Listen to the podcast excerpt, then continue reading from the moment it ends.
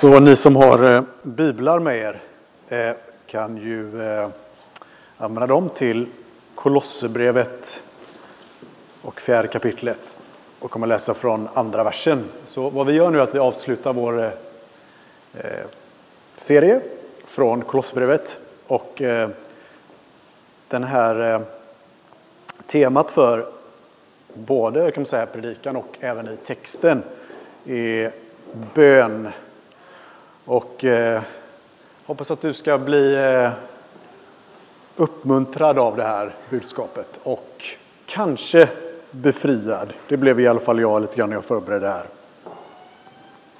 Då står det så här från vers 2. Så kommer jag läsa 2 till 6 och så kommer jag hoppa in i de här hälsningarna och läsa eh, vers 12 och 13. Var uthålliga i bönen. Vaka och be med tacksägelse. Be också för oss att Gud öppnar en dörr för ordet så att vi kan predika Kristi hemlighet. För var skulle jag är fängslad? Be att jag talar som jag bör när jag lägger fram den. Var visa när ni möter det utomstående, ta vara på varje tillfälle. Ert tal ska alltid vara vänligt, kryddat med salt så att ni vet hur ni ska svara var och en. Epafras, som är en av er hälsar, han är Kristi Jesu tjänare som ständigt kämpar för er i sina böner för att ni ska stå fasta, fullkomliga och fullt övertygade om hela Guds vilja. Jag kan intyga hur hårt han arbetar för er och för dem i Laodicea och Hierapolis. Låt oss be. Då så tackar vi dig Kristus att när vi stannar till vid den här texten om bön och andra saker så ber vi dig att vi skulle få se vad det är som du vill undervisa oss genom det här ordet. Och eh, vi ber om en avslappnad, eh, och avslappnat hjärta och öppnat öppet hjärta för det som du vill säga genom ditt ord. Amen. Så jag skulle vilja under den här lilla korta undervisningen, eller ja, kort, den är väl som vanligt, ungefär 25 minuter. Eh, och eh, jag skulle vilja att vi stannade till vid kopplingen mellan bön och hur vi agerar i vår omvärld när vi är i, i vårt liv. Eh, men jag kommer att stanna till mest vid bönen, så jag kommer att avsluta med, med den delen. Vi så att säga opererar mellan de här två verkligheterna, eller bör i alla fall operera mellan de här två verkligheterna, bön och att göra. Den som befinner sig endast i bön men inte gör och ser, inte interagerar med sin omgivning, blir Kanske blir man som eh, en liten kristen bubbla eller om man tittar tillbaka i historien som de första munkarna och nunnorna. Det är en bra startplats att bara be, men det är inte en plats att leva livet på. Och så kan man leva helt och hållet i världen eller cirkulär omvärlden utan att be. Och det kanske är närmare där vi befinner oss. Och det är också en rätt så dålig idé och inte särskilt biblisk heller. Resultatet av att inte be och leva som alla andra, så att säga, gör att resultatet blir att vi assimileras eller blir som alla andra utan att vara det salt och ljus som vi kallar det att vara. Att leva i världen utan bön är egentligen omöjligt. Och jag kommer att prata lite om Jesu exempel, men han gjorde det omöjligt att leva utan bön i sin omvärld. I och med att vi människor älskar att hamna i de här dikena, antingen, alltså jag vet inte hur du är, men jag i alla fall hamnar ofta i, dik, i diket att tänka att oh, men nu ska jag be jättemycket och så bara nej just det, det blev inte så mycket med det. Eller ber inte någonting alls så blir det helt fel det också. Så vi hamnar lätt i de här två dikena. Men det är ingen fara. De goda nyheterna är att vi kan bara göra så här enkelt då. Eh, bekänna synd, ta emot Jesu utsträckta hand, leva ett integrerat liv fullt av bön och salt. Enkelt, eller hur?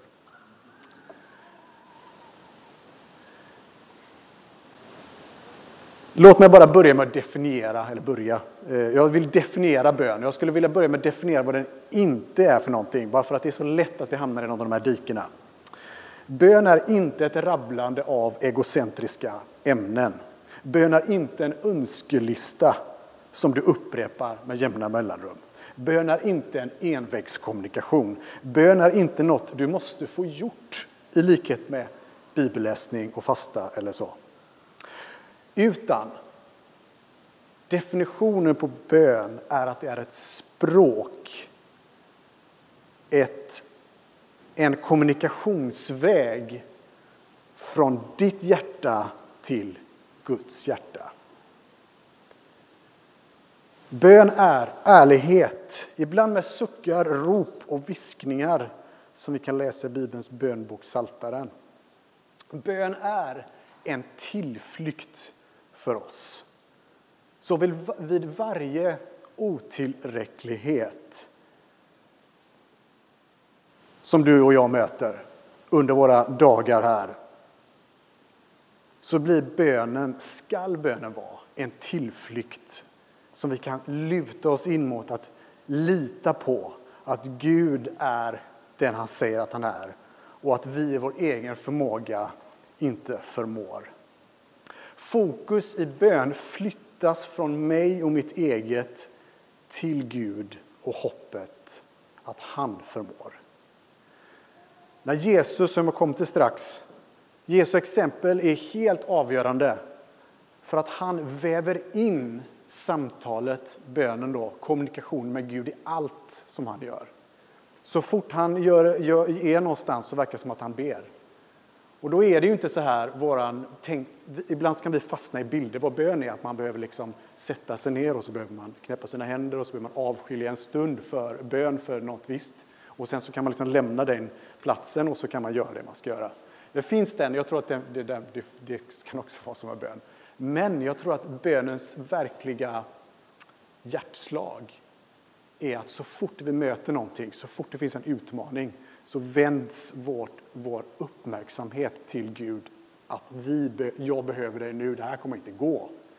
Eh, egentligen så kan vi faktiskt inte göra någonting själva, men vi vill gärna det. Och den fallna mänskligheten gör allt på sitt eget sätt. Men den kristna, upprättade personen gör ingenting i sig själv. Utan precis som Jesu förebild tar och får sin kommunikation genom att den personen ber och då vet vad som är i linje med Guds vilja och inte.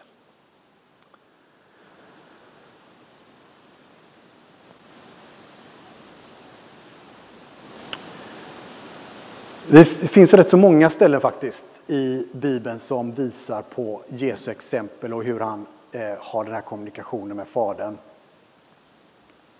Och kanske det mest, där han är mest, som mest utsatt är i Getsemane, eh, precis innan han ska fängslas eh, och senare korsfästas. Jag ska läsa från Markus 14.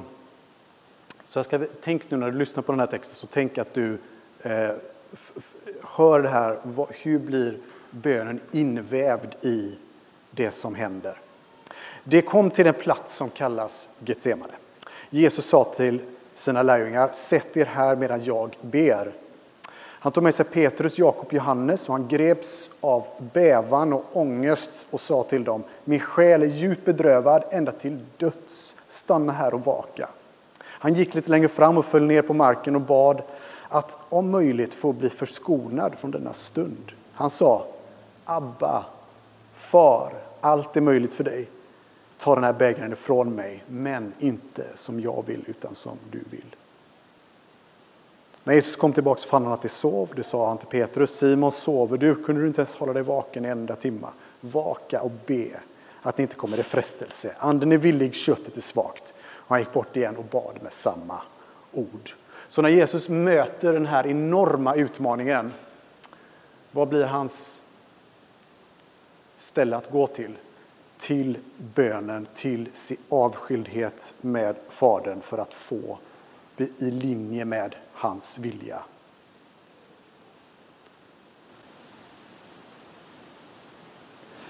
Jag ska också läsa från Lukas 11. Det är lite längre, men vi får hålla ut här. Så tänk li likadant här nu. Hur ser vi att Gud, hur, hur ser vi att Bibeln undervisar om att väva in bönen? En gång var Jesus på en plats och bad. När han hade slutat sa en av hans lärjungar till honom, Herre, lär oss att be. Liksom Johannes lärde sina lärjungar. Då sa han till dem, när ni ber så ska ni säga. Far, låt ditt namn bli helgat, låt ditt rike komma, ge oss var dag vårt dagliga bröd, förlåt oss våra synder så att vi också förlåter var och en som står i skuld till oss och för oss inte i frestelse. Och sen så sa han, och då tänker man att här var det slut då med undervisning av bönen, men det är det faktiskt inte, utan det fortsätter direkt i vers 5 här, Lukas 11. Och han fortsatte och sa till dem, om någon av er har en vän och går till honom mitt i natten och säger, käre vän, låna mig tre bröd. För en vän som är på resa har kommit till mig och jag har inget att sätta fram åt honom. Vem om er skulle då eh, till svar, ge till svar där inifrån, stör mig inte, dörren är låst och mina barn och jag har gått och lagt oss. Jag kan inte gå upp och ge dig något. Jag säger er, även om han inte skulle gå upp och ge honom något för att vara hans vän så kommer han ändå gå upp och ge honom allt han behöver för att han är så oförskämt järv. Och jag säger er, be och ni ska få, sök och ni ska finna, bulta och dörren ska öppnas för er. För var och en som ber han får, den som söker finner och för den som bultar ska dörren öppnas. Så fortsätter det lite men jag stannar där. Lär oss att be. Lärjungarna frågar inte någonstans i skriften om lär oss att göra under, lär oss att eh, eh ja, vad kan det vara, kasta ut demoner eller vad det kan vara för någonting. Utan de frågar, det som de har sett Jesus göra under all den här tiden de har gått med honom, de här åren. Det som verkar ha påverkat dem mest är Jesu bönliv. Lär oss att be.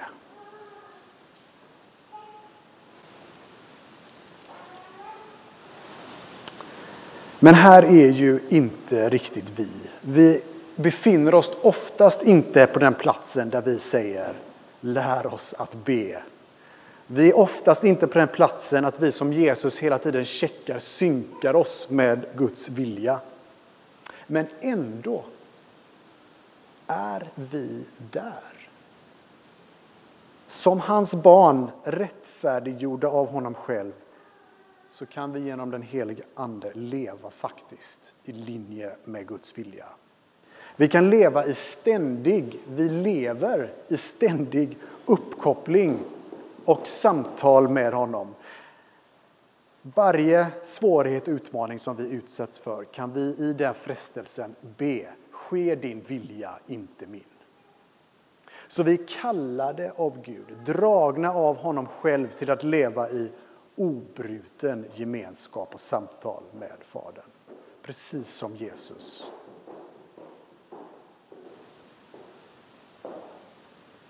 Och så kan vi fortsätta att be. Och jag skulle säga att den här texten, när Jesus lägger ut efter själva Fader vår-bönen, så är hela poängen att om du är modig nog att ställa frågan till Kristus eller till Gud i bön så är det så är det, det som han lyssnar på.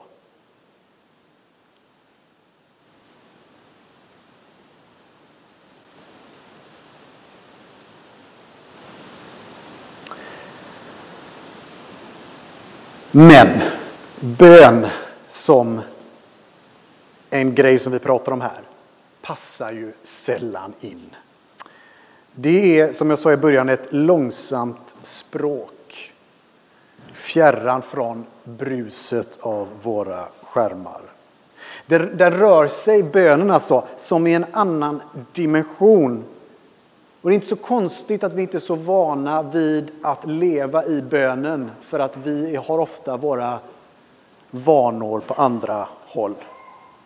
Och det kan nästan vara en omöjlig uppgift att tänka att man ens ska be. Det kan bli nästan så överväldigande. Hur ska det här gå till? Jag är ju helt uppe i andra tankar hela tiden. Hur ska, hur ska jag kunna bli i linje med Gud och hur ska det här fungera? Jag är inte ens värdig att be. Jag vet ju om vad jag gjorde för en timme sedan eller igår och jag ljög för den personen och så var det det och så, ja ni vet hur det är i livet. Och här är, du, skulle jag vilja att du breddar din tanke vad bön är för någonting. Bön är även bekännelse, tror jag. Så bekännelse kan vi göra, vi har bekännelse idag innan nattvarden och ibland har vi en läst bekännelse, vi har haft innan i alla fall. De här sakerna kan också vara invävt i ditt bönliv. Bara idag här, jag hade en liten stund innan, så jag gick till mitt kontor, det ligger rätt så nära här. Eh, och så eh, eh hade jag nästan lite för mycket tid. Det är kanske inte så vanligt. Att man har. Men jag, hade så här, jag var i stan halv elva och tänkte ja, nu ska jag ha tid, nu ska jag bara förbereda mig lite extra liksom, och läsa igenom och be och sådär. Så blev så här, hade jag två och en halv timme. Bara, oh, det är för mycket. Jag vet inte om du har haft så mycket tid till ditt förfogande. Det är inte så vanligt, kanske du inte har, om du inte har barn så är det ju eh, kanske vanligt, men vi som har barn är inte lika vanligt. Eh, I alla fall, då blir jag nästan överväldigad den här tiden.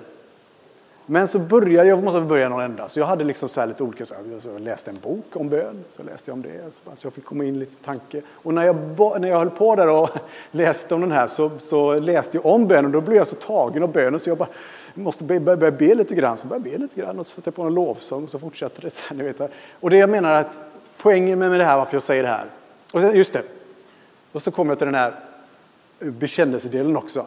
Jag bara, nej men det, jag känner mig inte värdig här att ens tala inför allsmäktig Gud. Jag vet inte om du har känt det, men om du känner så, så finns det där, alltid den där bekännelseplatsen. Bara, nej, det, att faktiskt dagligen, skulle jag säga.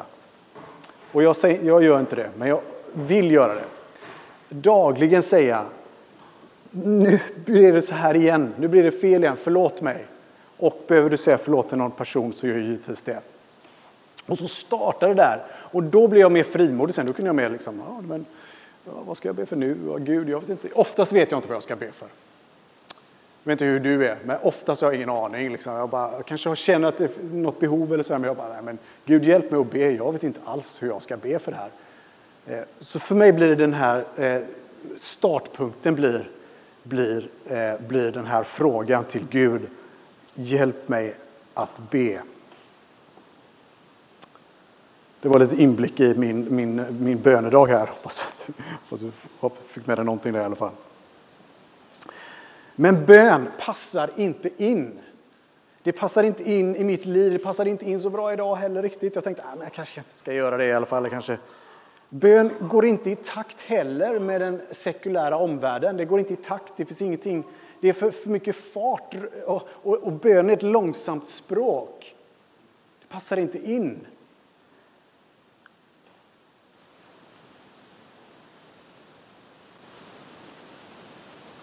Bön är en inkräktare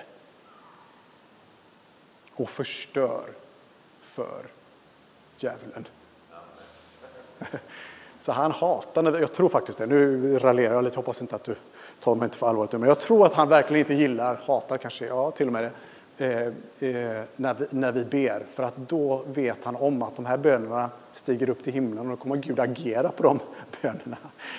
Och han vill inte att något av Guds rike ska få, få, få ingenting ska bli som i himlen. Men våra, himla, våra, våra böner går upp till himlen och kommer ner igen här när Gud agerar. Eh, och det är inte bra. Så därför så, är, därför så tror jag att, eh, att han viftar. Eh, jag ska stanna till en sekund bara. Jag tror att djävulen viftar med olika ben och så slänger han iväg till oss. Och bara, men spring efter här istället. Så springer vi efter och så blir det inte så roligt där borta ändå. Men jag tror att det hela tiden han vill skapa distraktioner så att vi inte ska be. Ni kanske, kanske känner igen er i det, men han vill det tror jag. Och vad vi behöver göra då när vi upplever den grejen, stanna upp, låta det här bruset finnas några minuter och sen bara börja. Om du vill börja i bekännelse jättebra, men det behöver du inte. Bön passar inte in. Att be är att förkroppsliga tro och Guds rike. Det är att öppna ett himmelens fönster som förändrar, lyssna nu, förändrar både bedjaren och omvärlden. Och det är därför Paulus uppmanar oss att be i den här texten vi har läst. Och det kan sammanfattas så här.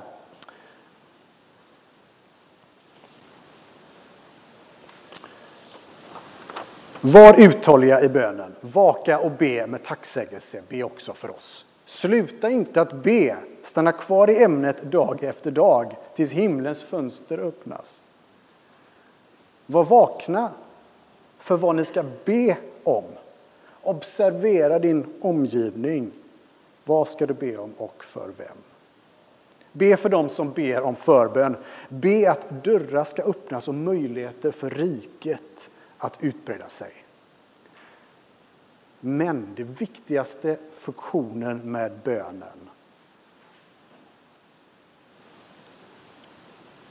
är att Jesus kommer till den som vi ber att han ska komma till. Så när vi ber för en person som kanske inte är troende än och vi ber Låt denna personen se dig för sitt inre. Låt den personen, när den öppnar Bibeln, få se att du är kung Jesus. Att du är alltings start och slut. Be därför, och jag tror att det är en bra bön, be därför att Jesus ska besöka människor, att han ska få bli synlig. Och så läste vi den här grejen med Epafras, så bara stanna till några, några sekunder också. Epafras, han som är en av er, alltså han kom från den här kyrkan i Kolosse. Hälsar. Han är en Jesus Kristus tjänare som ständigt kämpar för er i sina böner. Hör du en negativ koppling när det säger kämpar i sina böner så är det för att vi har en inte så bra översättning i svenska. Eh, Jag har kollat lite extra på det här och det är, blir inte riktigt jättebra. Eh, det, det, bästa är, det bästa om man ska titta, om man vill säga, eh, engelska översättningen NIV säger wrestle för, alltså, alltså brottas med, som en, eh, eh, som en eh, atlet brottas. Så det är lite av en kamp, men inte en kamp som liksom, åh det är så jobbigt, nu måste jag kämpa. Det, eh, NIV översätter också samma ord, contend, då förstår du. Det är som en tävlings... Man tävlar för någon, man kämpar för någon. Och det står ju så här. Han kämpar för er i sina böner för att ni ska stå fasta, fullkomliga och fullt övertygade om hela Guds vilja. Att brottas för andra. Tänk om vi skulle börja brottas för andra i bön om vi skulle gå i kamp för andra. Och varför ska vi brottas för andra? För att de ska få se Kristus, för att de ska få fasthet, för att de ska bli fullkomliga, att det inte fattas dem något och att de ska bli helt övertygade om Guds hela vilja. Alltså komma i linje med det som Gud vill. Så här är Epafras i linje även med vad eh, Paulus själv säger i eh, Kolosserbrevet 2. I Kolosserbrevet 2.2 så står det så här, jag kämpar, samma ord där. Jag kämpar, och då är det contend på engelska. Jag kämpar för att det ska bli styrkta i sina hjärtan och förenade i kärlek och nå fram till hela den rika och fullt, och fullt övertygande förståelse som ger rätt insikt i Guds rikes hemlighet. Både Paulus och Epafras genom sina exempel visar oss på att vi kan kämpa i bön. Att brottas i bön för andra. Det är en av den kristna människans viktigaste uppgifter. Vi har blivit hans barn. Vad gör vi sen? Vi agerar i bön. Och, jag ska avsluta. Och låt vår bön komma i linje med det vi gör. Vers 5 i kapitel 4, som jag läste förut. Var visa när ni möter det utomstående, ta vara på varje tillfälle. Ert tal ska vara vänligt kryddat med salt så att ni vet att ni ska svara var och en. Om vi ber för dit vi ska gå och sen när vi kommer dit där vi har bett för att vi ska komma exempelvis, så är det redan förberett för oss. Och då, när vi pratar med människor, så ska, vi, ska vårt tal alltid vara vänligt. Vad menas? Inte mekigt, utan här, eh, vänligt här kan också översättas nådefullt. Det är lite vilken, vilken väg man väljer. Men alltså, ert tal ska alltid vara nådefullt. Kryddat med salt så att ni vet när ni ska svara var och en. Och då finns det ett parallellställe som jag läser snabbt från första Petrus 1 och 15. Det säger samma sak så att ni förstår att det här är någonting som Nya Testamentet talar om flera gånger. Var ständigt beredda att svara var och en som ber er att förklara det hopp ni har. Men gör det ödmjukt med respekt och med rent samvete. Så vad är ett tillfälle när vi har bett och så pratar vi med människor? Vad är ett tillfälle för någonting? Frågar jag mig när jag läser texten. När blir det tillfälle att tala om Gud och andra viktiga sådana frågor? Det är inte supernaturligt eh, helt enkelt. Eh, vi har vi, vi alltså pratat med eh, människor som inte är kristna än. Det blir inte riktigt jättenaturliga övergångar. Ibland blir det det. Och när det blir en naturlig övergång, man pratar kanske om lite viktigare saker bara. Det skulle kunna vara, eh, ja men, eh, kanske inte man ska säga direkt, men eh, vad tror du meningen med livet är? Eller det kanske var lite för mycket, men eh, ja, ni förstår. Man har en konversation och så blir det en, en konversation som går in lite på någonting mer existentiellt. Någonting mer av värde. Vad tänker du om eh, hur, hur världen fungerar och eh, kapitalismen eller vad det kan vara för någonting? Eh, som jag tycker är kul att prata om för övrigt.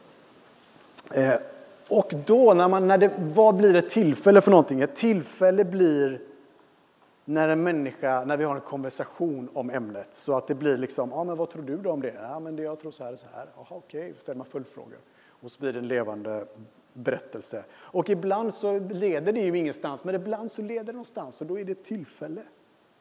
Så när ska vi prata med människor. Ja, men alltid ska vi vara uppkopplade på det här. Men om du inte ber innan så kommer inte det här, de här, då kommer du inte se de här eh, tillfällena tror jag. Eller du kommer i alla fall vara sämre på att se tillfällena. Så när du pratar med dina vänner och har redan bett för den vännen innan, det är då som du är redan uppkopplad och i linje med, kanske redan vet någonting för att du har bett om för den här personen.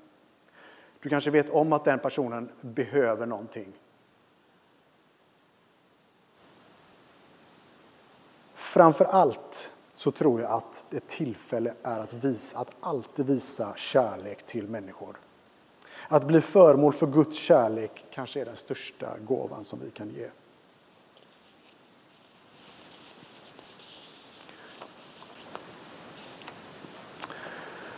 Och, ska jag avsluta, var salta.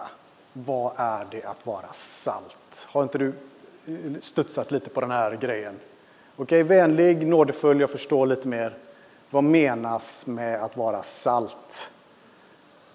Eh, salt, bara för att ge en liten kort inblick i den gamla historiska kontexten när Jesus gick. Man hade inga kylskåp som ni förstår, men man hade hur man skulle göra när man hade exempelvis en fisk. Och så vill du inte äta den samma dag utan vill äta en annan dag istället.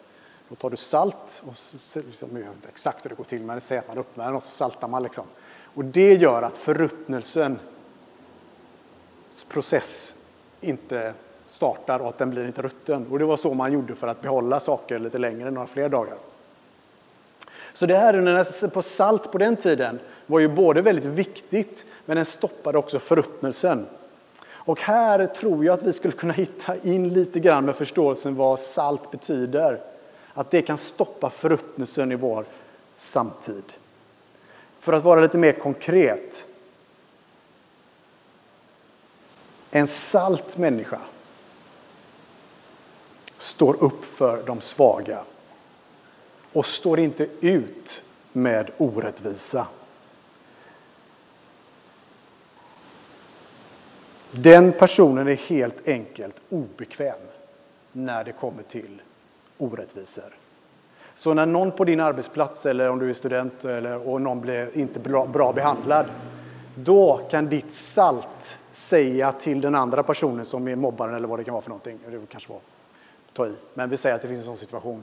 Då säger du det där som du gör mot den är inte rätt. Och jag vill att du ska sluta med det. Salt. Lite, lite mer salt skulle jag vilja ha i alla fall.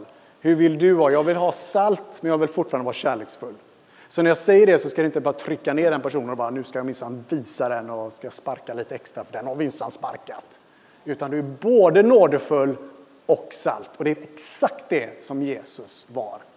Så när någon, någon liksom agerade konstigt så hade han sagt det är inte rätt. När han kom till templet och de höll på med massa olika grejer där, som en saluhall, liksom, han bara det här är inte rätt. De tog en piska och slängde borden över ända. Och det är salt. Så när han ser orättvisan så agerar han mot den. Och så är han nådfull. Och så tar han emot och så säger han till tax, tax collect, vad, heter det? Tack. Skattmasen. Det kan man nog säga. Ja. Eh, han säger till de som inte har någon, som är skummet av, eh, nu blir det dålig svenska, engelska, ursäkta. Eh, de som är lägst ner, säger han, kom med mig. Och till de som är, tror att de vet vad de håller på med, fariseerna, mycket salt. Så, bönen blir vårt språk. Det är vår kommunikationsväg till och från Fadern. Vi är i linje med han ständigt när vi ber. Bön vävs in i hela vårt liv. Varje gång vi möter det minsta eller mesta motstånd så blir vår respons alltid Gud, hjälp mig. Amen. Låt oss be.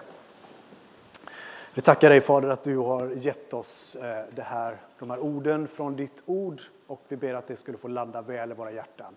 Vi vet om att du bara vill uppmuntra oss och hjälpa oss på, på, på livet och i livet och vi ber att du skulle få även förmera och, eh, och göra det här ordet så att det blir bara gott. Amen.